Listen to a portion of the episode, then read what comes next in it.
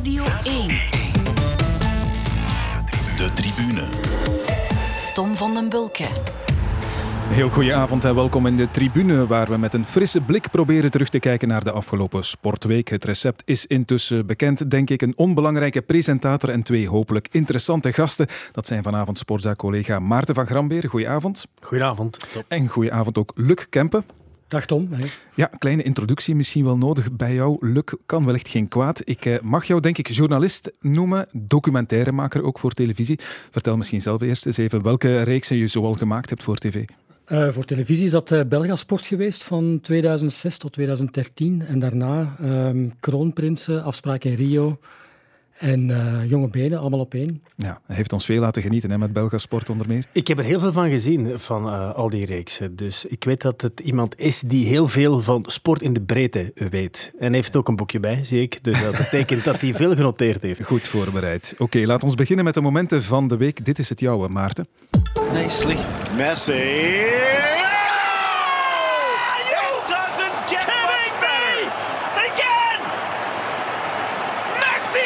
Good ball.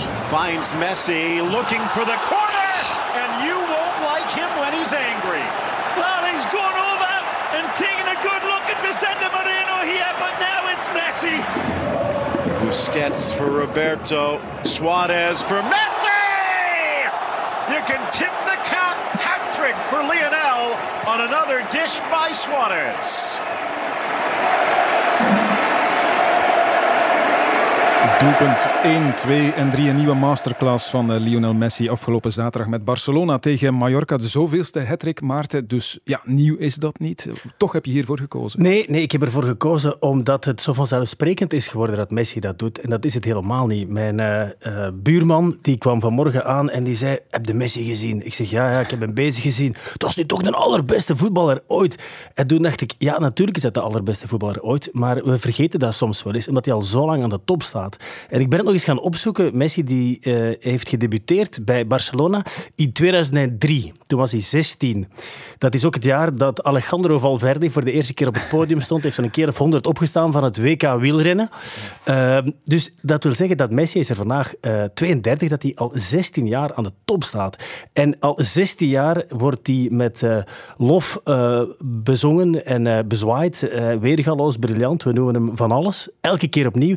En hij doet het ook elke keer opnieuw. Hij staat al 16 jaar aan de top. En toen hij 16 was, toen hij begon, werd er ook heel veel van hem verwacht. En dit was nu zijn 35e hattrick. Maar hij heeft al zoveel statistieken uh, verpulverd, elke keer opnieuw. En ik vind dat, ik vind dat fenomenaal, wat hij ja. elke keer blijft doen, Messi. Ik moet nu wel zeggen, het mooiste doelpunt van de vijf van ja, zaterdag was van Suarez. was van Suarez, die hakbal. Ja, die Fantastisch. Je, ja, als je die nog niet gezien hebt, die moet je even opzoeken op YouTube. Dat was een sublieme hak. Uh, het was een Nederlander die de assist leverde, denk ik, hè, Frenkie de Jong. En het was een, een sublieme hak. Maar dat is een goed maatje trouwens, hè. Suarez en Messi. Het zijn twee hele, hele dikke vrienden. Uh, ze komen geweldig goed overeen. En ja, ik, ik vind het weergaloos. En uh, ik had dan heel even nog met mijn buurman die discussie van wie is nu de beste ooit. En voor ons moest er nooit meer een discussie zijn. Dat is zonder enige twijfel Lionel Messi. Ik hoor Weet jij dat uh, Messi ja. en Suarez dat dat dikke vrienden zijn? Ja, dat, dat, dat, dat, hoor ik van collega's die er heel veel van weten. Dat pik je op, dat zie je op Instagram. De mannen gaan ook vaak eten. En ze drinken uh, maté-thee. Dat is een of andere Zuid-Amerikaanse thee. Die drinken ze altijd samen. En ze, ze trekken heel goed op. En er is zelfs twijfel van, ja, Griezmann, die, die valt er een beetje buiten. Maar die scoort natuurlijk ook heel vaak voor uh, Barcelona. Ja, het, zijn, het zijn hele goede vrienden. Het klikt ja. tussen die twee. Blijkbaar ook naast het veld. Want ik denk dat Messi Peter is van een van de kinderen van Suarez en omgekeerd zelfs. Ja. De grootste aller tijden, zeg je. Ik gooi er dan toch maar de naam tegenaan met wie hij zo vaak vergeleken Maradona. wordt. Diego Armando Maradona, inderdaad. Geen twijfel voor jou? Nee. Het was, heb, an, het was een andere tijd natuurlijk. Nee, het, was een andere tijd natuurlijk. Maar Maradona was ook geniaal. En er zijn mensen die dan altijd zeggen, en voor een beetje terecht, Maradona die heeft een matig Argentinië de wereldtitel bezorgd in 86. Dat is ook zo. Maar Maradona heeft nooit zo lang op, op dat niveau gespeeld dat, dat Messi nu al speelt. En als je Messi ziet spelen, ik vind dat echt... Uh, die is beter dan de beste voetballer op PlayStation, op uh, FIFA uh, 2000 of 2020.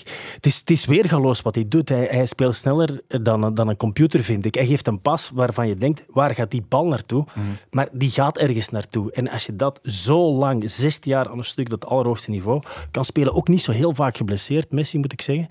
Ja, dan, dan, dan ben je voor mij de, de, de allerbeste ooit. En ja, hij heeft, hij heeft bijna wel eens een wereldtitel bezorgd hè, aan Argentinië, net niet. Uh, als, hij, als hij dat had gedaan, was er geen enkele discussie niet meer geweest. En ik weet ook wel, Pelé, drie keer wereldtitel als enige voetballer ooit en zo. Dat kan, maar, maar uh, in het moderne voetbal, ook in vergelijking met de jaren tachtig, ik heb onlangs die finale nog eens teruggezien tussen Duitsland en uh, tussen, tussen West-Duitsland en Argentinië. Dat gaat wel veel, veel, veel trager dan vandaag. En Maradona had vandaag ook een, ook een sublieme voetballer geweest. Maar, ja. maar er is toch wel een verschil, denk ik. Luc, jij hebt al het bijzien spelen natuurlijk. Maradona of Messi? Kies maar. Ja, we weten eigenlijk heel weinig over Messi. Hè. Um, dat is het wel een beetje. Ja, ik vraag me ook af... Um, wat voor leven die man eigenlijk leidt. Um, we weten wel eens van uh, het gedoe met belastingen in Spanje. En ja. dat het, het, leven van, van, Maradona lag op straat, letterlijk denk ik. Absoluut. En dat van uh, Messi is volledig afgeschermd natuurlijk. En wat ik nog altijd wel een voordeel vind aan Maradona is dat we hem weinig zagen. Ik, bedoel, ik, heb, ik zit in het kamp dat het allemaal vanzelfsprekend begint te vinden. Mm -hmm. Ik kijk bij wijze van spreken meer uit naar een wedstrijd van Shakhtar Donetsk dan de zoveelste Barcelona Bayern München. Um, ja, ik heb die documentaire over Maradona gezien en ja, de impact van die man, uh, ja, dat blijft voor mij toch nog altijd. Goed, het zal ermee te maken hebben dat ik in uh, 86 en in 82 uh, 16 en, en 12 was of uh, zoiets van die. Ja, die, de impact van Maradona op Napels was, was fenomenaal. Dat, dat was nooit gezien. Hè. De impact van die ene speler, dat was nooit gezien. Maar ja, het voetbal vandaag, dat wordt zo verwoestend snel gespeeld. En dan zo lang, ik vind dat ongezien. Volgend jaar is de Copa America in Argentinië, hè, dus dan zal het van moeten zijn. Ja, ja oké. Okay. Iets om naar uit te kijken. Het moment van de week van Luc Kempen, dat heeft hiermee te maken. People are worried about me. I don't answer emails. I don't answer my chats. I don't answer anything because... I don't have the power anymore. It's not because I don't don't like you anymore. I, I really love you. Everybody is in my heart. I'm in my cocoon. Like leave me alone. I I don't have the power anymore. We herkenden Marieke Vervoort, Willemy, overleden op 22 oktober, maar nu toch weer actueel Luc door de New York Times. Ja, ik schrok mij rot eigenlijk toen ik uh, dat vrijdag, dacht ik, op uh, sociale media zag binnenlopen en dan met het bijbehorende artikel. En ondertussen is dat een bijlage geworden. Um, Marieke Vervoort, ik heb, ik heb dan in, uh, tussen 2013 en 2016 afspraken in Rio gemaakt. En in 2013 dacht ik ook, uh, ik moest er iemand uit de Paralympische sporten bij gaan zoeken. En dan kwam je in die periode heel vaak bij haar uit. Ik heb één of twee keer wat langer met haar gepraat. Maar toch had ik bij mezelf het gevoel van, ja, we weten al zoveel over haar. En ze liep al vier, vijf jaar in de kijker. En op den duur was er een soort van uh, Marieke Vervoort moeheid uh, opgetreden. Mm -hmm. Waardoor ik voor iemand anders gekozen heb. En ik dacht ook de hele tijd van...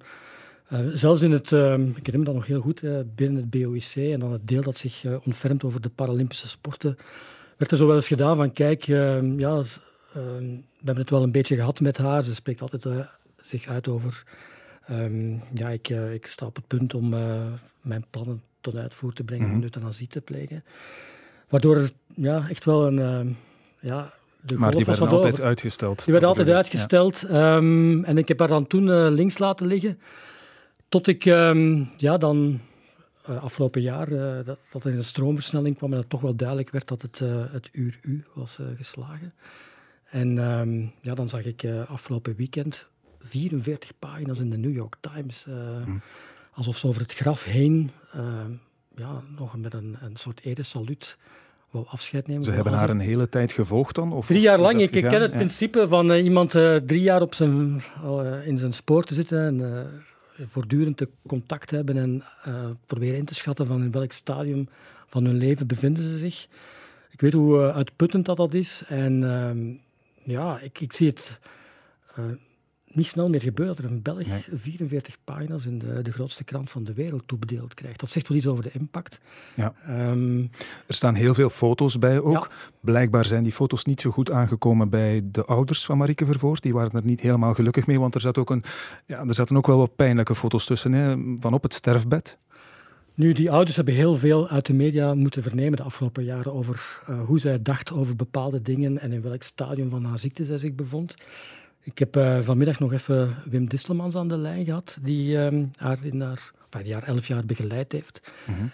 um, en die zei ook van ja, kijk, het was haar absolute wil om. Um, ja, ze heeft ook alles aangegrepen om haar ziekte en haar persoon onder de aandacht te brengen, onder de aandacht te houden. En wat dat voor uh, impact had om uh, met dat soort beslissingen geconfronteerd te worden. Um, ja, ja, ik denk um, terugblikkend, ja, pet af voor uh, wat zij in die laatste maanden doorstaan heeft. Want door die foto's en het stuk erbij ja, wordt nog maar eens duidelijk wat voor lijdensweg dat geweest is. Ja. Heb jij haar persoonlijk gekend, Maarten? Ik, ik heb haar persoonlijk gekend en, en helaas wist ik, wist ik uh, niet dat het, dat uh, zo hard bergaf ging met Marieke. Uh, want ik heb ze wel eens een paar keer ontmoet. En wat mij altijd opviel, was dat zij iemand was die, die toch alles goed kon relativeren en onwaarschijnlijk positief was over alles. Uh, op het moment dat ik ze heb ontmoet, uh, in ieder geval. Ik had onlangs vervelende nog... af soms, dat je dacht van, ja. ja. ik heb er nu even wel genoeg ja, van. Ja, ja, ja, ja. Maar, maar je, kan ook, je kan ook het omgekeerde doen natuurlijk. Hè. En zeuren en klagen en kijk eens naar mij. Dat deed ze niet, integendeel. Ze was super enthousiast. Ik had er ook nog een filmpje uh, voor ingesproken, een paar maanden voor, voor ze gestorven is. Maar dat ik weet dat het, ja, dat het niet zo goed ging met Marieke, had ik zeker nog wel eens contact op, opgezocht. Want dat vond ik eigenlijk wel jammer. Ja, van euthanasie moeten we naar wat dan uiteindelijk heel triviale dingen zijn, zoals koers en voetbal, maar we gaan het toch doen. De tribune. We gaan uh, terugkeren naar afgelopen woensdag, naar een galaavond voor de Belgische wielrenners. De winnaar van de Kristallenfiets 2019 is Eddy Merckx. Remco Evenepoel. Remco Evenepoel, dames en heren, wint de Kristallenfiets 2019. Remco Evenepoel met de kristallen fiets. Inderdaad, uit handen van Eddy Merckx. Had je het verwacht, uh, Maarten, dat hij zou winnen? Ik, ik had het zeker verwacht uh, dat hij dat kon winnen. Hij heeft misschien ook de trofee gekregen voor wat hij in de toekomst nog gaat winnen. Als je puur naar prestaties kijkt, dan denk ik dat, dat die Parijs-Roubaix van Gilbert misschien het allerhoogste is. Of ook hetgeen Wout van Aert gedaan heeft. Als je de hele wereld top oprolt in de Ronde van Frankrijk, waar ze echt in topconditie zijn. Je bent daar de beste in de ploegentijdrit, je wint daar een massasprint. Dat doe je ook in de Dauphiné, in de aanloop naar. Dat is puur op zich misschien nog net iets groter in, of hoger in te schatten. Maar uh, dat hij gewonnen heeft, ja, natuurlijk mag hij winnen. En uh, ja, dat, dat, dat, daar, daar, bestaat geen twijfel over, denk ik. Had jij voor hem gestemd? Nee, maar ik was wel in de zaal en um, ja, hij heeft... En dat zie je met de tijd, zie je dat groeien, dat zelfbewust, uh, zonder dat het op dit moment de spuigaten uitloopt. Hij houdt daar een speech van vijf minuten de, de, woorden vallen juist. Uh, we maken de juiste vergelijkingen. Hij staat er tussen bonen en merks wat op zich al een plaatje is voor de mm -hmm. eeuwigheid. Ja, het wordt uh, uitkijken naar uh, 2020. Hij wordt volgende maand 20 jaar. dat is toch zo'n leeftijd. Ik heb begrepen dat ehm, voor de komende Bahamontes heb ik de mannen achter Pro Cycling Stats geïnterviewd. Dat is toch de wielerwebsite. Ja, ja een beetje de bijbel om, om, om ja, resultaten op te zoeken. Hè, ja. En daar zijn ze al de hele tijd in de weer met uh, vergelijkingen te maken tussen uh, Evenepoel en Sagan. Um, dus volgend jaar Evenepoel 20. Sagan won uh, in die periode, in zijn moment dat hij tussen zijn 20ste en zijn 21ste ja, twee ritten in Parijs-Nice, twee ritten in de Ronde van Californië. Daar zat nog de Ronde van Romandie tussen. Dus het wordt wel... Ja, hij gaat natuurlijk nog meer in de gaten gehouden worden dan vorig ja. afgelopen jaar. Maar, maar, het is wel waar, hij zegt die persoonlijkheid van Evenepoel. Hè. Je, je zegt altijd, je moet het talent hebben, je moet de benen hebben, je moet de motor hebben. Dat heeft hij. Maar daar staat zo'n onwaarschijnlijke kop op. Ik was erbij. Vorig jaar toen in Innsbruck uh, zich toonde aan de wereld met die twee wereldtitels en bij de junioren en op de weg. Hij moest dan live in het journaal bij ons, bij de collega's van VTM, werd overal naartoe getrokken. En dat was voor hem blijkbaar de normaalste zaak van de wereld. Hij stond s'avonds in het hotel van de Belgen nog eens klaar voor een live. Tim Welles zat daar, Greg van Avermaat, Philippe Gilbert. Al die mannen, en die hebben allemaal zoiets van... Ja, hij stond er gewoon tussen, geeft die mannen een hand, doet daar, doet daar, doet daar eventjes uh, een babbeltje mee. Onwaarschijnlijk. En dat, dat heeft hij. Uh, dit is een ex-voetballer. Ja, ja, nee, het is een ex-voetballer. Maar, maar die persoonlijkheid, die heeft hij. Dat is ongelooflijk. Frank van den Broeke was ook een supertalent, uh, volgens dokter Van Mol zelfs nog groter dan Alejandro Valverde, maar daar stond geen hoofd op. En ja, die Evenepoel heeft een motor en er staat een hoofd op. Dat, dat kan je niet voorstellen. Op die leeftijd, zoals Luc zegt, de juiste woorden vinden, dat, dat heb ik nog nooit gezien van iemand. Het is wel zo clever geweest om zich ook door Patrick Lefevre te laten beïnvloeden met die keuze voor Monaco. Hij heeft dat dan toch teruggedraaid, is terug bij zijn ouders gaan wonen. Ik denk dat zijn vader nog altijd zijn zaken doet. Hij heeft nog altijd geen manager. Nee, nee, nee. hij heeft nu iemand van de ploeg gekregen, Stefanie Klerks. Die houdt zo... PR wat de PR doet hij een ja. beetje. Hè, maar als hij ooit de Ronde van Frankrijk wint, dan gaan ze een hele bus nodig hebben, denk ik, in België, om, om hem een beetje te begeleiden. Maar ja, dat doet hij wel, met zijn voetjes op de grond blijven. Daar zeg je het al, en Maarten, als hij ooit de Ronde van Frankrijk wint. Dat verwachtingspatroon is natuurlijk wel enorm. En wat we niet weten op dit moment is, wat kan Remco Evenepoel in het hooggebergte? Nee, dat weten we niet. Uh, hij heeft uh, dit seizoen ook niet echt veel in het hooggebergte gereden. Ronde van Turkije wel eens. En daar heeft hij nog niet kunnen laten zien dat hij over dezelfde kwaliteiten beschikt, beschikt als een Bernal bijvoorbeeld, die, die in het hooggebergte onwaarschijnlijk is. Pogacar, ook iemand die ja, een jaar of twee ouder is, maar fenomenaal wat hij deed in de Ronde van Spanje. Die, die, uh, die gaf iedereen het nakijken. Dus dat, dat hebben we van Evenepoel nog niet en dat gezien. hebben we van Evenepoel nog niet gezien. Nee. Alhoewel zijn grootste talent is zijn duurvermogen. Dus in theorie zou het ook een hele, hele goede klimmer moeten zijn die heel lang een heel hoog wattage kan volhouden. Nu dat hij in het tijdrijden het verschil kan maken ten opzichte van die andere mannen die ik net vernoemd heb, dat is wel al zeker. Dat heeft hij natuurlijk bewezen met zijn, met zijn vice-wereldtitel in het tijdrijden. Maar dat gaat hem voor volgend jaar de les zijn. Ja, wat kan hij in het hooggebergte? Hoe lang kan hij meegaan? En waar staat hij ten opzichte van die andere toptalenten? Ja. En dat wetende maakt het dan eigenlijk nog opmerkelijker, zou ik zeggen, dat je mannen hebt zoals Eddy Merckx die zeggen, ja, waarom zou hij niet beter worden dan ik? Of Tom Bonen die inderdaad nu al zegt, hij kan de Tour winnen.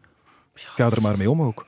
Ja, ik zou het niet willen meemaken. Ik vind het ook niet de slimste uitspraak van Eddy Merckx om te zeggen... Van dat hij kan ook gewoon niet, natuurlijk. Dat kan natuurlijk niet, dat is niet meer van deze tijd. Nee, dat is het um, vooral. Hè.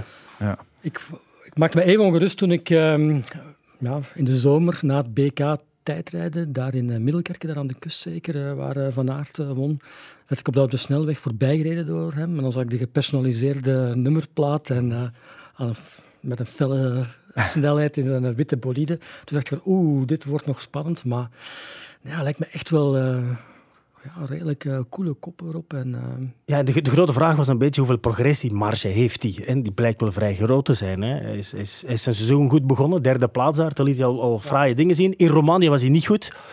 Uh, toen stond hij ook iets te zwaar. Lefevre heeft hem daarop gewezen. Daar is hij eraan gaan werken. En dan vanaf die ronde van België is het fenomenaal geweest. Na elke stage, na elke koers komt er, nog, komt er nog een laagje bij en lijkt hij nog beter en beter te worden. Dus we ja. weten niet waar dit eindigt natuurlijk. Ja, hij, zelf, maar als, hij zelf ook niet. Hij zelf ook niet, maar hij is wel heel ambitieus natuurlijk. Hè. Vooral dan richting de Olympische Spelen van volgend jaar. Ik heb een paar doelen en voor die doelen ga ik gewoon alles uit de kast halen. Ben wel iemand die echt enorm olympisch uh, gezind is, zal ik maar zeggen. Uh, en zeker als je dan een parcours voor de voeten krijgt die, uh, die je enorm ligt. veel bergop, ook in de tijdrit. Heel veel hoogtemeters, dus het is gewoon een kans. Een kans, maar hij spreekt ondertussen al van twee keer goud zelfs in Tokio. Ja, en terecht, terecht want ik, ik heb het parcours ook nog eens gaan bekijken van die twee uh, ritten daar in, uh, in Tokio. Dus die tijdrit is 44,2 kilometer lang en 846 hoogtemeters. Dat is ongeveer de helft van de Mont Ventoux die je moet omhoog rijden. Um, de tijdrit nu, uh, het afgelopen WK in Harrogate, was ongeveer even lang. Dus de afstand is al geen probleem. En bergop kan hij rijden, alleen weten we nog niet hoe goed. Dus hij heeft daar echt wel recht van spreken, denk ik. En de, de wegrit die is nog veel zwaarder. Die is maar 234 kilometer lang. Dat is helemaal niet zo lang. Er zijn klassiekers die veel langer zijn. En daar zijn er 4865 hoogtemeters. Dat is een pak meer nog dan luik luik En dat is bijna zoveel als een hele, hele zware bergrit in de Ronde van Frankrijk. En de laatste 20 kilometer, de, de, de top van de laatste klim ligt op 20 kilometer van de streep. Ja, als hij daar iets... een gaatje heeft, die zie je nooit, van, nooit meer terug natuurlijk. Hè, Remco ja. Evenepoel, hij als, als tijdrijder. Dus hij, hij, is echt een van onze grote speerpunten volgend jaar op de Spelen om in, in, beide, in beide koersen een medaille te pakken. Ja. Dat kan. Dat hij dat ja, nu al uitspreekt ook. Hij spreekt letterlijk over twee keer goud. Luc doet inderdaad een beetje, de naam is daarnet al gevallen, denk aan Frank van den Broeken. Hè. Die kondigde ook zijn overwinningen aan. Maar het is misschien een foute vergelijking, ik weet het niet. Ja, ik denk het toch wel. Um, goed, hij is, hij is enige zoon ook, hè? Ja, hij is enige zoon, uh, enig kind. Ja, klopt. Um, ja. Ik, um, ik heb begrepen dat het in Tokio ook ontzettend vochtig en warm. Ik weet niet hoe hij daarmee zal omgaan. Nee, dat, dat wordt onderzocht nu. Uh, Quickstep is natuurlijk ook met Alaphilippe. Ze zullen vaak in dezelfde wedstrijden zitten. Dus hij heeft al wel eens laten verstaan van, uh, dat ja. hij zijn kansen zal grijpen als het moment zich aandient. Ja. Het, wordt wel, uh, het wordt wel spannend om te zien hoe Quickstep dat gaat... Uh, gaat managen, ja, gaat managen ja, als ze samen aan de start komen. Maar, maar, maar op papier heeft hij, heeft hij echt wel twee kansen, omdat het twee keer een profiel is van die beide koersen waar dat echt op, op, op zijn maat gemaakt is. Dat is ook zo. Dus hij mag ambitieus zijn. En ik vind het ook wel mooi dat hij dat durft uitspreken. Ja, hij zal nog wel eens op zijn bek gaan.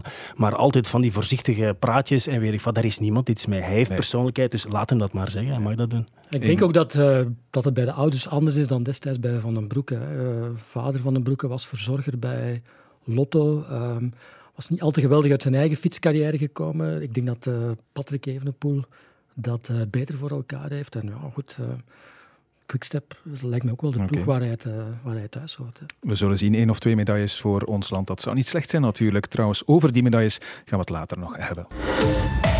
De tribune. We gaan over voetbal praten, want in dat voetbal spelen Standaard en Anderlecht komende zondag op Sclessin tegen elkaar. En laat net dat de twee ploegen zijn die het afgelopen weekend het meest over de tongen zijn gegaan. Ja, eerst toch maar over eh, Standaard mannen op de valreep een punt gepakt in Moeskroen. Maar er was ook dit natuurlijk.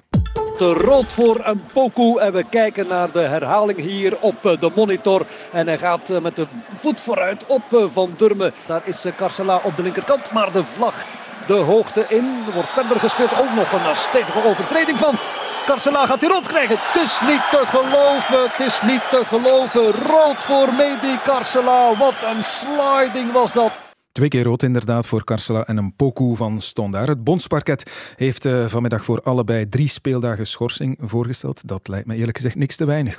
Nee, dat lijkt me niks te weinig. En ik vind dat er wel een verschil is tussen de rode kaart voor, van een poku en tussen de rode kaart voor Carcela. Wat een poku doet Ehm, bij zo'n uh, voet vooruit fase moet je altijd zien naar de, wat is de intentie en wat is de intensiteit. En bij een poku, je ziet ook die direct verrassen van oei, oei ik heb bij mijn voet vooruit gegaan. Ik heb het als voetballer ook wel eens voor gehad, dat ik absoluut niet intentie had om een speler te raken, maar dat je toch met de voet vooruit vol op de scheen gaat en dan schrik je zelf, oei, ik ben mijn voet vooruit gegaan. En ik had de indruk dat dat bij een poku wel het geval was.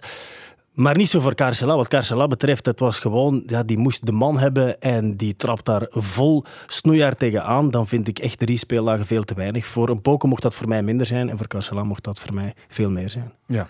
Michel Predom had er achteraf ook zijn zeg over, dat klonk zo. Ik denk niet dat de spelers het hoofd verloren hebben. Ik denk dat de spelers...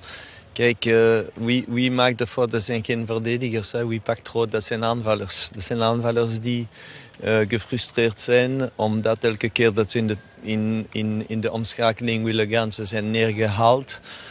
Na, pas na tien keer krijgt een tegenstander een gele kaart. En als zij als, als aanvaller een beetje ja, onhandig in de duels gaan, krijgen ze direct rood. Dat is uh, wat je ziet elke week op onze velden. Zolang dat je dat blijft of laat doen in België, dan ga je altijd ploegen hebben die zullen dat gebruiken. Michel Predom, voor alle duidelijkheid, hij vond die rode kaarten wel degelijk terecht voor een Poco en. Carcela, dat zeker zeggen. Maar hij vergoelijkte ze ook wel natuurlijk. Uh, spreekt over onhandige tackles, terwijl je dit toch op geen enkele manier kunt goed praten, of, of wel, Luc? Ja, het gebeurt bij mij toch heel vaak als ik sta daar zie voetballen, en dat is nu de laatste tien jaar, vaak dan nog met, uh, in twee... Uh, periodes met Predom als trainer, met wat voor soort boodschap hij die jongens het veld opstuurt. Mm ik, uh, ik ben nooit vergeten, uh, ik denk in 2007 was de bekerfinale uh, die tussen Club Brugge en uh, Standaard, 1-0 gewonnen door Club Brugge.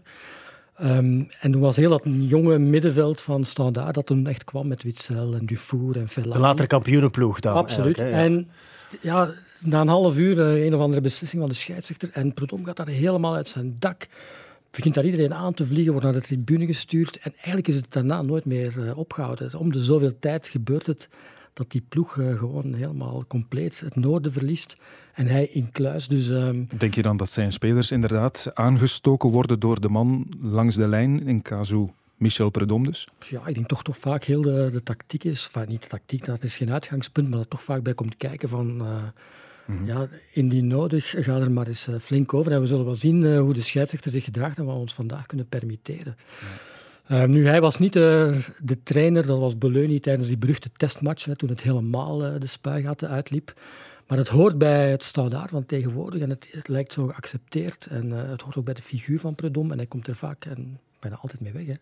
Ja, omdat iedereen nog zoveel respect heeft voor, voor Perdom de doelman en Perdom de trainer die ook wel echt resultaten heeft, heeft geboekt. Alleen snap ik niet dat, dat de spelers zelf soms zoiets hebben van het is wel genoeg. Ik, ik heb ook wel eens coaches gehad vroeger, echte brulboeien langs de kant van het veld en soms stond ik mij daar echt uh, in te ergeren op het veld. Maar langs de andere kant, ik vind ook wel voetbal mag fysiek zijn. En, en een coach die daar alleen maar staat en niks gaat te doen, dat zou ik ook niet graag gehad hebben. Dus je mag wel je mag wel wat, wat, poeier uh, uh, op je spelers strooien, vind ik. En je, je mag wel wat aanvuren, maar in het geval van Predom gaat het er soms over. En is, is het ja. soms gênant hoe dat hij tekeer staat. Maar ik zie bij het volleybal en basket ook coaches gewoon uit hun dak gaan. Maar daar blijft toch een soort van um, waardering voor de tegenstander. Die ja. bij, denk ik bij ja. Standaard soms, en bij andere clubs wellicht ook, af en toe, of uh, in meerdere maat, totaal weg is. Uh. Ja. Prudhomme krijgt dan zelf gisteren ook zijn derde gele kaart toch al dit seizoen. Ik had de indruk dat hij een beetje gekalmeerd was sinds hij vertrokken was bij Club Brugge, maar dat, dat blijkt dan toch niet zo te zijn. Waarom laat hij zich ook altijd zo opnaaien met al zijn ervaring? Geen idee, is dat toch uh, twijfel? Ja, en die stress, onderschat de stress van coaches, van, van trainers niet. mijn vader was gewoon maar trainer in, in, in, in derde provinciale. Maar wat een stress dat dat met zich teweeg brengt, je, je kan je dat niet voorstellen. En dat zag je bij, bij Anderlecht ook. De coaches daar, Ariel Jacobs, Hugo Broos, dat, waren, dat zijn heel zachtaardige, fijne mannen, maar die werden zo cynisch op het einde naar alles en iedereen toe. En Anderlecht is natuurlijk nog zoveel groter, het instituut Anderlecht, dan standaard. Dat is nu eenmaal zo. Maar onderschat het vooral niet wat het is om topcoach te zijn. En je zou dan denken, een figuur als Perdom moet daar beter tegen kunnen. Ja, meestal, maar toch niet altijd, denk ik. Het verliest ook dus het zicht op de realiteit. Hè. Ik schrok mij vorige maand rot toen uh, Philippe Clément, na die beruchte wedstrijd in uh, Paris Saint-Germain, op de vrijdag bij zijn traditionele persconferentie, of zijn wekelijkse persconferentie, ja, in het begin even ging opdragen wat er uh, volgens hem over die wedstrijd moest geschreven worden. ja, ja, ja, dat, ja, maar dat komt. Dat zou we vorig jaar nooit gedaan hebben bij het gemoedelijkere Racing Genk. Maar dat komt dan wel bij Club Brugge, omdat dat een grotere club is. Misschien een grotere club is, op dit moment misschien wel. En dat er veel meer aandacht is, veel meer persaandacht. En onderschat het niet wat dat doet, wat dat doet met een mens. Zelfs met gemoedelijke, rustige mensen. Ja. Ik ga het aan jou nog één keer vragen ook. Drie speeldagen voor Carcela. Genoeg? Ik denk dat het er toch vijf hadden mogen zijn, tot, na, tot na de winterstop. En Misschien is hij dan ook weg, ik weet niet. Uh, hij past ook niet in de plannen niet meer van, van Hij heeft ook niet altijd een basisplaats, in tegendeel. Hij moet vaak invallen. Maar, maar ja, drie speeldagen, zeker als je, als je er evenveel vraagt als een Poku, er is echt wel een verschil tussen die twee fases. Een Poku, oké, dat is goed vooruit. Uh, eh, maar dat is niet met de intentie. We mogen alleen vooral, denk ik, heel blij zijn dat er niemand uh, geblesseerd is geraakt. En dat we geen Lozano-verhaal krijgen of een Wasilewski-verhaal, wat dat gisteren ook echt gekund. Hè. Zeker waar. Maar het ja. op zondag, ja, je kan het ergste verwachten. In die zin is misschien wel wel beter dat die twee er niet bij zijn. Maar ja, er lopen daar nog van die jongens rond die wel eens vaak uh, het noorden verliezen. Nee, altijd een uh, verhitte wedstrijd natuurlijk. Uh, daar Anderlecht en Predom zal inderdaad aan zijn ploeg moeten sleutelen. Geen uh, Carcela, geen, geen Poku. Voilà. Tegen Anderlecht dus. Anderlecht dat gisteren voor de zesde keer al 0-0 gelijk speelde. We gaan even luisteren naar een fragment van gisteravond uit Sports Late Night op 4. Weer 0-0. Michael Verschuren, de manager, had het in extra time over een zero-error beleid. De zero, dat is al in orde. Dit was troosteloos, hè? Ja, maar in de, in de nieuwe realiteit, zou ik zeggen, is dit een goed punt voor Anderlecht. Hè? Echt? In de nieuwe realiteit. Als we vaststellen dat ze tegen Oostende verliezen, dat ze thuis tegen Kortrijk mag gelijk spelen, thuis tegen Waasland-Bever mag gelijk spelen. Ja, je speelt tegen een ploeg die 19 op 21 heeft gepakt, dan is dat een goed resultaat. Hè? Het wordt tijd dat we allemaal de nieuwe realiteit zien. Hè? Het is gedaan met Anderlecht, die iedereen naar huis speelde. Dat was ex-Anderlecht-trainer Hein van Hazenbroek. Ja, is er iemand die nog gelooft van jullie in play-off 1 voor Anderlecht? Zes punten is het verschil nog altijd, denk ik. Hè? Zes, maar Racing Genk staat er ook nog natuurlijk, die voor Anderlecht. en die willen ook naar play-off 1. En er, is, er komen wedstrijden nu aan tegen Standaard, Racing Genk, Antwerpen, Club Brugge, denk ik. Dat zijn, dat zijn geen wedstrijden waar je sowieso de drie punten gaat pakken. Dus het wordt echt wel aardsmoeilijk. Het kan nog wel altijd, maar uh, de kans wordt elke week kleiner en kleiner. Maar er is nog wel altijd een kans. De kloof met de nummer 5, Charleroi in dit geval, is ook al 10 punten. Dat lukt al helemaal niet meer, denk ik. Nee, dan moet je hopen op die die, op die zesde plaats. Nee, inderdaad. Het is wel een jonge ploeg natuurlijk. via play-off 2 wordt nu het scenario. Ja. of de beker, maar goed, Club Brugge. Ja, dat wordt ook weer lastig natuurlijk. Van Aasbroek heeft daar een punt natuurlijk. Dit, is, dit is op dit moment wel de realiteit voor Anderlecht. Je kan wel lang zeggen, in het begin van het seizoen, ja, een paar verloren wedstrijden, maar we zien daar ander voetbal in en weet ik veel wat. Ja, dit is op dit moment echt wel de realiteit voor Anderlecht. Dat je een ploeg hebt die op dit moment met al die jonge spelers, want het was de jongste ploeg ooit die, die aan de aftrap stond, minder dan 21 jaar, laten we dat vooral niet onderschatten. Dat is mhm. echt heel weinig. Uh, het, het, plan zoals het voor het seizoen op tafel lag, ja, dat komt er helemaal niet uit. Want de bedoeling was natuurlijk om die jonge spelers te omringen met meer ervaren, ervaren voetballers. Er zijn er ook echt wel heel veel geblesseerd. Dus het zit ook gewoon wel wat tegen uh, bij Anderlecht. Maar op dit moment, met die jonge voetballers, ja, is de realiteit, zoals, zoals hij van Hazenbroek zegt, dat je tegen een goede ploeg als Charleroi moet blij zijn met dit Anderlecht met een punt. Ja, dan moeten ze nog spelen op die nieuwe grasmat van gisteren. Wat was dat?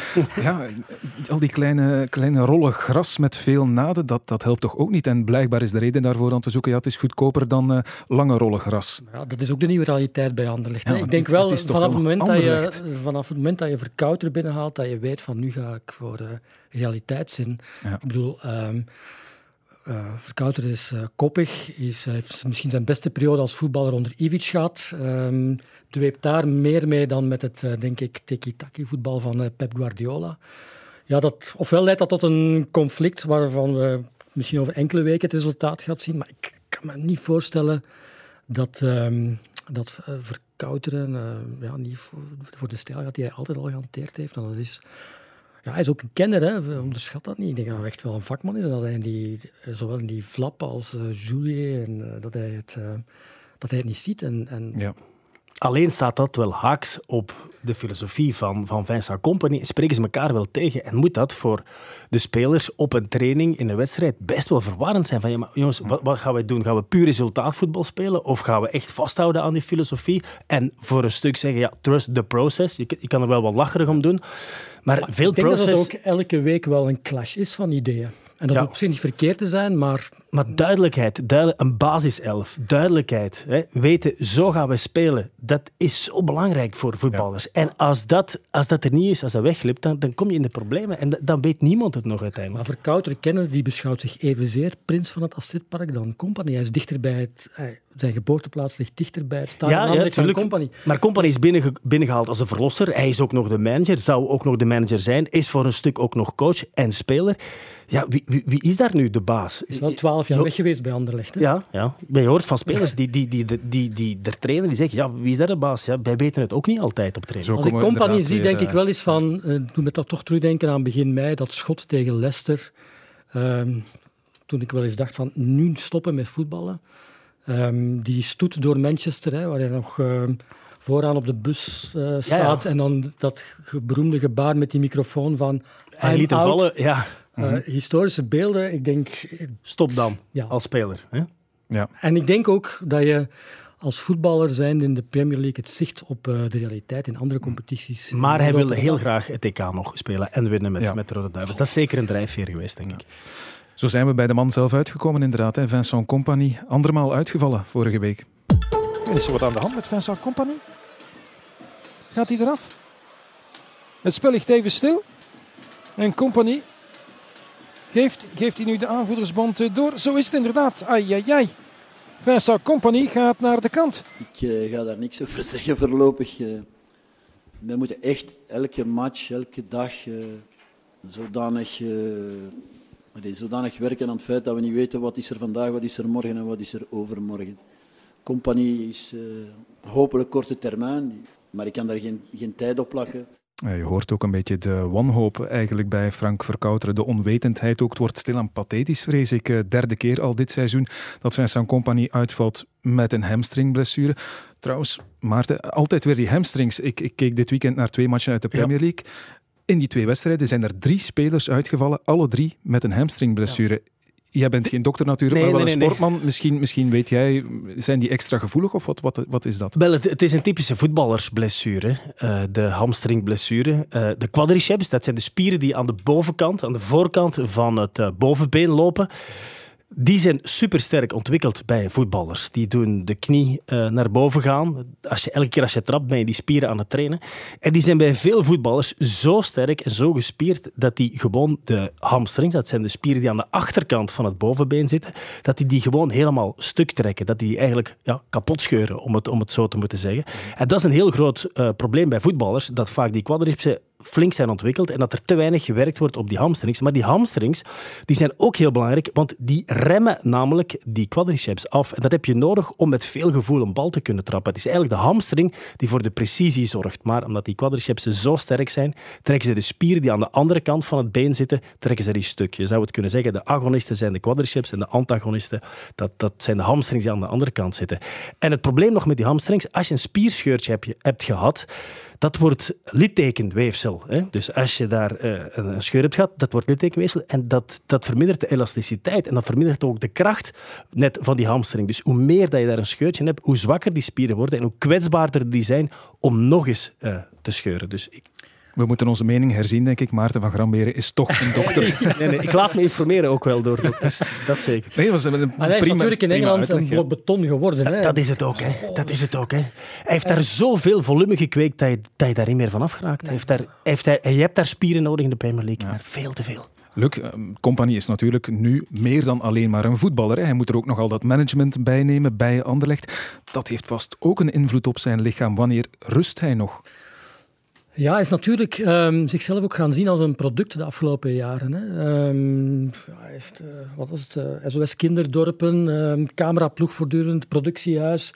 Ik zie de cameraman die uh, in 2012 begon met Iedereen Duivel, zit opnieuw in zijn spoor. Voor de, ja, ik ben wel eens benieuwd als we ooit die beelden gaan te zien krijgen, wat daar de afgelopen zes maanden Kijk er echt wel naar uit eigenlijk. Het moet wel ongelooflijk zijn. Alleen... Ben je een beetje jaloers? ja, ja en nee, omdat ik weet van... Ik heb wel eens ervaring gehad, niet heel veel met compagnie, maar... Uh, ja, het eerste wat altijd bij hem terugkomt is controle. Controle ook over de eigen figuur, controle over zijn eigen imago. En wat er nu allemaal gebeurt, gaat natuurlijk haaks in tegen dat uh, gevoel of dat opzet. Ja, en vooral dat, dat rusten ook. Hè. Als voetballer en als topsporter is het zo belangrijk om te rusten. Zeker als je ouder wordt. Compagnie is er ook al 33. Wordt rust en verzorging nog belangrijker. En er is wetenschappelijk onderzoek bijvoorbeeld dat blijkt. Als je tien uur slaapt op, op een dag als topsporter of acht uur, daar zit al een enorm verschil in wat, wat eh, blessurepreventie betreft. Dus hij zou nog meer moeten rusten. Maar ik lees dan ook dat hij soms dagen heeft van 16 uur. Dan moet hij nog eten, drinken, naar huis rijden, slapen. Ja, dan, dan kom je tekort wat rust betreft. En wat hem natuurlijk ook ziet, die ongebreidelde ambitie, maar ook dat heeft zijn grenzen. Ik mm-hmm. zag uh, vorige week ergens op de, of twee weken geleden op de Brus-website, Vadercompagnie, bij de lancering van zijn boek. Vincent Daar was hij er ook nog even. Ja, een uur te laat. Uh, Anderhalf uur zelfs. van, uh, ja, hij droomt eigenlijk van uh, voorzitterschap van de FIFA of de UEFA. Ja, dat kan wel best zijn, maar ja, wat hem nu overkomt, ja. wel wil hij daar binnen de kortste keren een streep onder trekken. Al roept hij dan wel de hele tijd van ik geef nooit op. Het, ik denk niet dat het makkelijk slapen is. Oké, nog één ding. Antwoorden met ja of nee. Jullie zijn Roberto Martinez. Mee naar het EK of niet? Ja, absoluut. Nee, nee ik zou het, uh, een streep ondertrekken. Voilà, de meningen zijn verdeeld, dat hebben we graag. De tribune. De tijd vliegt alweer, maar we moeten toch ook even stilstaan bij het nieuws van de dag. Want het Wereld Antidopingagentschap heeft beslist om Rusland opnieuw te schorsen voor vier jaar. Rusland was al een keer drie jaar geschorst. En waarom dat nu opnieuw gebeurt, heb ik gevraagd aan collega en specialist David Naert. Wel, het opheffen van die eerste schorsing was al redelijk omstreden, omdat Rusland niet alle voorwaarden daarvoor had nageleefd. En de belangrijkste voorwaarde was natuurlijk het vrijgeven van de data van dat omstreden antidopinglab van Moskou. Dat was in september vorig jaar nog altijd niet gebeurd. En toch maakte het WADA toen een einde aan de schorsing. Maar het zei er tegelijk wel bij dat Rusland nog tot eind vorig jaar, tot 31 december, kreeg om de data alsnog vrij te geven. Waarom deed het WADA dat? Wel, het zei dat het op die manier alle dopingzondaars van Rusland toch nog zou kunnen identificeren en toch nog straffen. Maar ook de deadline van eind december werd niet gehaald. En toen voelde je al dat Rusland het spel niet eerlijk aan het spelen was. Uiteindelijk werden de data overhandigd in januari dit jaar, bijna drie weken te laat. Die gegevens zijn door het WADA de voorbije maanden grondig bestudeerd en het werd al snel duidelijk dat de data waren gemanipuleerd en dat die bestanden dus waardeloos zijn en zeker niet meer kunnen worden gebruikt om alsnog dopingschorsingen uit te spreken. En het ging heel erg ver, want zelfs toen de WADA-controleurs in januari in dat lab van Moskou waren om de data op te pikken, waren de Russen nog altijd druk bezig om gegevens daarvan te vervalsen. Kortom, Rusland heeft zijn lesje nog altijd niet geleerd en de schorsing voor vier jaar die vandaag is uitgesproken, is de enig logische beslissing. Mm Oké, en wat zal die schorsing dan in de praktijk inhouden? Wel, de Russische vlag mag niet meer te zien zijn de komende vier jaar op de grootste sportevenementen. En daarmee bedoelen ze de Olympische Spelen, de Paralympische Spelen en wereldkampioenschappen. En voort zie ik dat leden van het Russisch Olympisch Comité en van de Russische regering niet meer welkom zijn op die toernooien. Maar wat de beslissing niet betekent, is dat alle Russische sporters de komende vier jaar sowieso worden uitgesloten. Alleen Russen die kunnen aantonen dat ze zuiver op de graad zijn, die zijn nog welkom. En die Russen moeten dan wel deelnemen als neutraal atleet. Dat was ook al zo op de winterspelen in Pyeongchang vorig jaar. Maar toen kwam IOC-voorzitter Thomas Bach, altijd al een man van slappe maatregelen, nog af met de term Olympic Athlete from Russia. Ja, is dat dan een uitsluiting van Rusland? Mij lijkt van niet. In elk geval, dat zal nu niet meer mogelijk zijn. Maar sowieso verwacht ik wel een grote, zij neutrale delegatie op de zomerspelen in Tokio volgend jaar. En de hamvraag is op dit moment natuurlijk wat deze uitspraak betekent voor de Wereldbeker Voetbal 2022 in Qatar. Gaat de FIFA Rusland uitsluiten? Daar laat ze voorlopig niet in hun kaarten kijken. De FIFA heeft vanmiddag gezegd kennis te hebben genomen van de beslissing van het WADA en heeft het WADA ook om verduidelijking gevraagd, namelijk wat dit betekent voor het voetbal. Het is duidelijk, de FIFA heeft ook niet veel zin om Rusland uit te sluiten. Maar belangrijk, Tom, om te weten is wel dat de macht van het WADA sinds de vorige schorsing is verstevigd. En dat uitspraken als die van vandaag geen advies meer zijn, zoals dat vroeger was, maar wel degelijk afdwingbaar zijn. En tot slot mag Rusland de komende vier jaar zelf geen mondiale sportevenementen meer organiseren. Dat betekent geen WK ijshockey in Sint-Petersburg in 2023, al heeft de Internationale IJshockeyfederatie nog voor de uitspraak van vandaag laten weten dat het onmogelijk is om dat WK te verplaatsen, al lijkt dat mij toch complete flauwekul. Het is duidelijk, we staan nog voor woelige weken en maanden en Rusland heeft ook nog drie weken de tijd om in beroep te gaan bij het TAS, het Internationaal Sporttribunaal, wordt dus zeker nog vervolgd.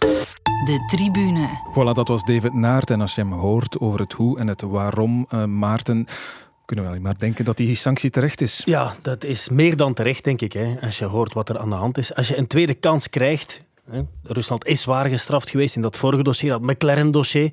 Je krijgt opnieuw een kans en dan verprut je het op die manier door toch nog uh, aan die data te liggen sleutelen, dan toch nog veel te laten het dossier binnen te dienen. Dan moet je, dan moet je dit doen. Dat is de enige mogelijke sanctie. Uh, want je moet je maar eens nee, voorstellen... Het is wel natuurlijk dat iedereen met Poetin... Uh ja, warme broodjes gebakken heeft. Hè, de ja, afgelopen jaren. Ja, dat Van is ook Bach zo. over de FIFA. Want dat is de vraag of het, of het effectief zo zal zijn. Hè. Bach, Bach is ook IOC-voorzitter kunnen worden met de steun van Poetin. Ja. We hebben Bach nog niet gehoord, denk ik. Ik ben eens benieuwd wat hij mm -hmm. gaat zeggen. Poetin hebben we ook nog niet gehoord. Ik ben ook eens benieuwd wat hij gaat zeggen. Niet te veel, denk ik. Nee, niet te veel. Nee, maar je, je moet maar eens een atleet zijn. Hè. De, de, de bij de Belgen, de vrouwen in Peking 2008, 4 x 100 meter, die pakken daar zilver. Heel mooi. Maar ze verliest daar van uh, Russinnen die achteraf gedopeerd zijn. Dan hebben ze daar een paar jaar geleden een gouden medaille gekregen op de Memorial. Ja, dat is iets anders dan, dan Olympisch goud behalen. En je moet maar eens een atleet zijn die vierde wordt op de Spelen achter een Russin die gedopeerd is. Dus ja, je moet, je moet streng optreden. Dit, dit, dit, kon, dit kon en moest, denk ik. Kun jij nog met uh, normale blik kijken naar Russische atleten, Luc? Ja, net, uh, het is even moeilijk om met normale blik naar uh, Keniaanse marathonlopers te te kijken of...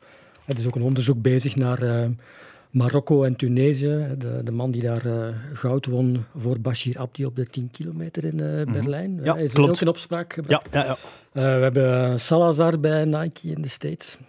Je zou je tegelijkertijd ook wel moeten afvragen van heel die dopingstrijd, naar wat uh, leidt ons dat eigenlijk? Ja, het probleem is groter dan enkel Rusland. Ja, natuurlijk. Ja. Nee, dat, dat, is ook zo. Alleen is, is het, het is in niet... Rusland grootschalig. Hè. Doping zal er altijd zijn waar systeem. geld, eer en glorie wordt grappen. Maar dit is een volledig systeem dat, dat helemaal dat zijn wortels heeft over heel dat land. Gesponsord door de, door de staat, door ja, de overheid. Natu natuurlijk. Ze, ze, do, ze, doen alsof dat niet het geval is, maar het is nu wel staalhaar bewezen dat dat wel het geval is. En dat is nog altijd het verschil met die andere kleinere, kleinere dopingcases dan, dan, dan hele staat en dan een van de grootste landen ter wereld zich daarmee bezighoudt. Ja.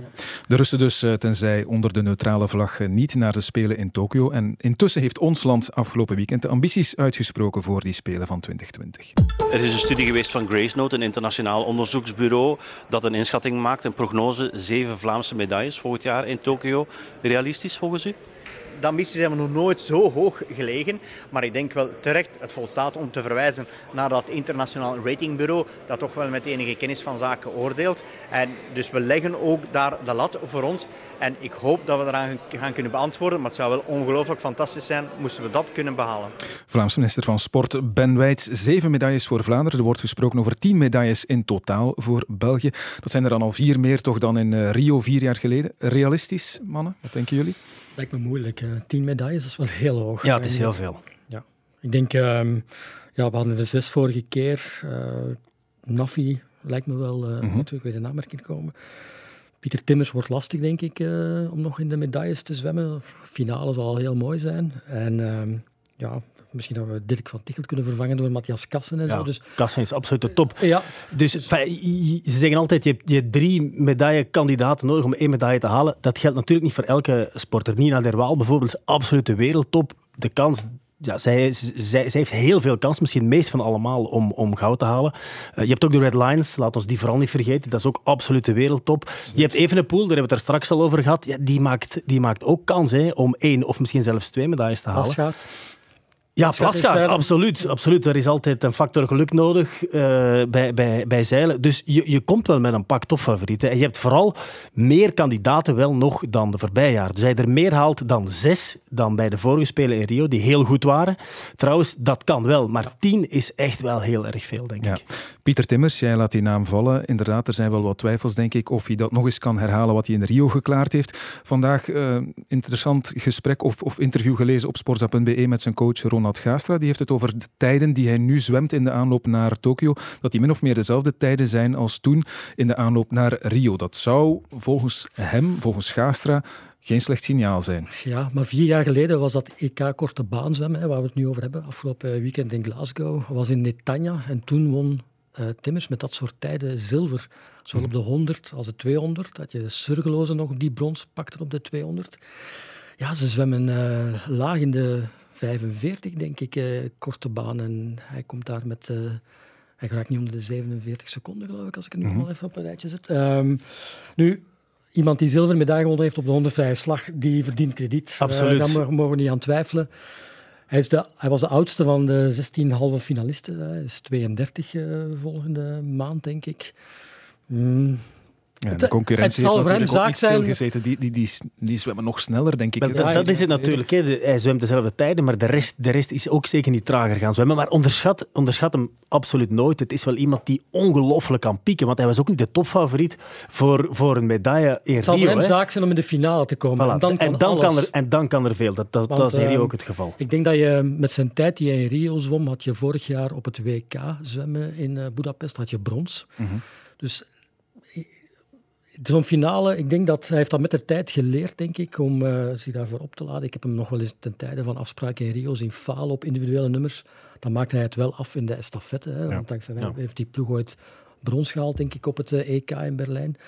Um, dus ja, hij lijkt me wel iemand die met die ervaring... Uh, het zal zaak zijn om in die finale te geraken. Okay. Ja. Zullen we even tellen? Nina Derwaal, ja? Ja. Ja, zeker. Is één. Nafitiam. Ook. Twee. De Red Lions. Ook. Is al drie. Uh, Remco Evenepoel. Uh, ook. Twee misschien zelfs. Maar we zullen voor alle zekerheid er eentje, nemen. Oké, okay, één. Victor Kampenaerts. Uh, als hij mag gaan. Want oh. dat is, dat, ja, dat is dat nog niet zeker nog natuurlijk. Er zijn heel veel hoogtemeters. Hij zal wel eens gaan kijken. Mm, ja, als hij mag gaan, maakt hij kans. Oké, okay, ik zet hem bij de vraagtekens. Wie hebben we nog? Matthias Kassen? Matthias Kassen, zeker. De Tornado's ook niet vergeten. Hè. Die hebben wel uh, een medaille behaald nu op het WK. Op het allerhoogste niveau. Als daar nog eens Jonathan Barlet bij komt, en Sacco nog wat sterker, die zou ik ook uh, bij de favorieten rijden. Ja? Die jumpingploeg. Okay. Pieter de Vos, Pieter ruitersport. Ja, absoluut. Inderdaad. Top. Plasgaard. Van Zandwegen, Bries in het uh, roeien. Ik kom al aan acht. Ja. acht en, een half heb, en dan heb, je altijd nog, dan heb je nog altijd verrassingen. Hè? Want ja? uh, als, als we denken aan onze, onze schutter daar, onze schutter van uh, vier jaar geleden, um, zijn naam ontsnapt me zelfs, de man die daar zilver behaalde in het, in het schieten. Och, ja, ik ben ja, het ook kwijt. Ja, voilà. Lionel Cox. Lionel Cox, dank, dank je wel. Dank je, Kempen, dank je wel. Ik bedoel, zo iemand gaat er ook altijd tussen zitten, ja. die we niet totaal niet verwachten. Hè? Nee, en ik had net iemand in het hoofd en ik ben het nu ook weer kwijt. Ja, Jawed Ashap. Kan ook iets dus, wonen. Kan zeker. Ook kan zeker, kan hoor, zeker. Was hier ook al kandidaat, ja. ja, ja. Goed, Basketvrouwen, uh, nee, dat is een... Ze zijn nog niet gekwalificeerd, ja, okay. hè? Ja. Een heel deel van die, van die Belgische delegatie is op stage geweest uh, naar Turkije. Een goede stage, is dat, is dat nodig, Maarten, denk je? Wel, ja, ik heb eens rondgebeld met een aantal uh, atleten van, van of dat dat nodig is of niet. Ja, ik denk het wel. Omdat atleten die nog nooit naar de Spelen zijn gegaan, die leren daarvan meer ervaren atleten wel van dat gaat daar zo zijn. Pak oorstopjes mee bijvoorbeeld, want er is altijd heel veel lawaai in dat park. Je gaat zo onder de indruk zijn de eerste dagen en zo. Dat zijn wel signalen die je opvangt. En wat ik wel merk, is dat Team Belgium echt wel een team is dat echt aan elkaar hangt. En dat klinkt misschien wel kunstmatig, Team Belgium, terwijl wij Frans en Nederlands praten en ook een beetje Duits. Maar het is echt wel een ploeg aan het worden. En dat zag ik in Doha ook, op het WK Atletiek. Hoeveel atleten voor elkaar gingen supporteren en heel fanatiek gingen supporteren tijdens de marathon s'nachts. Daar stonden zoveel atleten echt te schreeuwen en te doen. Ik vond dat best wel mooi om te zien. Dat teamgevoel twijfel ik niet. Alleen is de atletiek, um, hebben we na Tiam en de aflossingsploeg hebben we niks meer. Hè. We hebben Koenaert, marathonloper. Er Bashir, wel een Bashir Abdi, Bashir Abdi. natuurlijk. Maar er is wel een hele... Cheetahs worden ook vijfde hè, op, Ja. het, eh, op het WK. Maar wat is er gebeurd met Axel Douwes? Wat is er gebeurd met René Eikers, eh, Pieter-Jan Hannes, Louise Carton, Jeroen Doet, Milanov, die nu uh, allicht ja, nu geen contract meer krijgt, van, uh, ook aan het twijfelen slaat. Ja. ja Tiam en de aflossingsploegen en Bashir en, en Koenaert verbergen toch ja. een, een, soort van leegte met een generatie, een tussengeneratie, die het moeilijk heeft om, om te ja, ja, vestigen. Over Filip Milanov wil ik het nog heel even kort hebben. Um, discuswerper, topsportcontract kwijt van 1400 euro per maand naar 0 euro. Dat in de aanloop naar de Spelen. Hoe beoordeel je die beslissing, Maarten? Maar het is, het is uh, een moeilijke beslissing. De timing is heel ongelukkig, hè? nu in de aanloop naar. Uh, en toch ja, is er ook ergens iets voor te zeggen. Omdat uh, Milanov uh, wordt getraind door zijn vader. En dat is, uh, ja, dat, dat, dat, daar is geen enkele sprake van openheid. Zij zeggen van, kijk, wij doen het op onze manier, wij dulden geen inspraak en rekenen ons af op resultaten. Maar als die resultaten dan uitblijven op de grote kampioenschappen, de laatste jaren, ja, dan sta je op daar. het EK in 2016 in Amsterdam. Ja, daar is... heeft hij nog zilver behaald. Ja, en dan heeft hij nooit meer. Uh... En, en, sindsdien heeft hij nog wel eens in de Diamond League is hij nog eens tweede geworden, denk ik. Maar de laatste jaren is het niks meer. En ja, dan, dan zit je met heel veel atleten die ook recht hebben op op uh, Ik denk op dat uh, Bashir Abdi voor veel minder zijn contract ja, kwijt dat is ook twee zo. jaar geleden. En het is niet zo dat hij dat hij helemaal niks meer gaat krijgen. Hè. Milanov, uh, De Val, BOIC en Sport Vlaanderen zullen hem blijven steunen, maar zijn maandloon dat is hij kwijt. Ja, Oké. Okay. Kurt meldt trouwens op Twitter dat we de golfers ook niet mogen vergeten voor een ja, ja, de drie, ja, absoluut. En Kijk eens Pieters, aan, ja, voilà. zeker. Straks komen we aan meer dan tien. ja, Goed, dan zitten we weer terug. Dan komen we terug. Toch? Er is ons nog een uh, halve minuut. Ik ga die gebruiken om aan jullie te vragen waar jullie nog naar uitkijken bij het begin van deze sportweek. Um, donderdag verschijnt de nieuwe baan Montes en zaterdag uh, komt het uh, skicircus voor het eerst in Europa. Dat vind ik eigenlijk toch altijd wel een fijn gevoel. Oké, okay, leuk. Maarten? Ja, ik zou zeggen Messi in de Champions League, maar hij mag niet spelen, denk ik, tegen Inter. Hij krijgt rust, dus laten we zeggen Club Brugge tegen, tegen Real Madrid. Dat is en toch... gaat Ajax naar de volgende ronde? Die hebben een heel goede ja. groep, Valencia. Voilà. Kijk, en club in de Europa League, dat zou leuk zijn, want wij hebben daar de rechten op, dus dat zou mooi zijn voor ons. Ja, Dankjewel Maarten van Gramberen. Dankjewel Luc Goedenavond.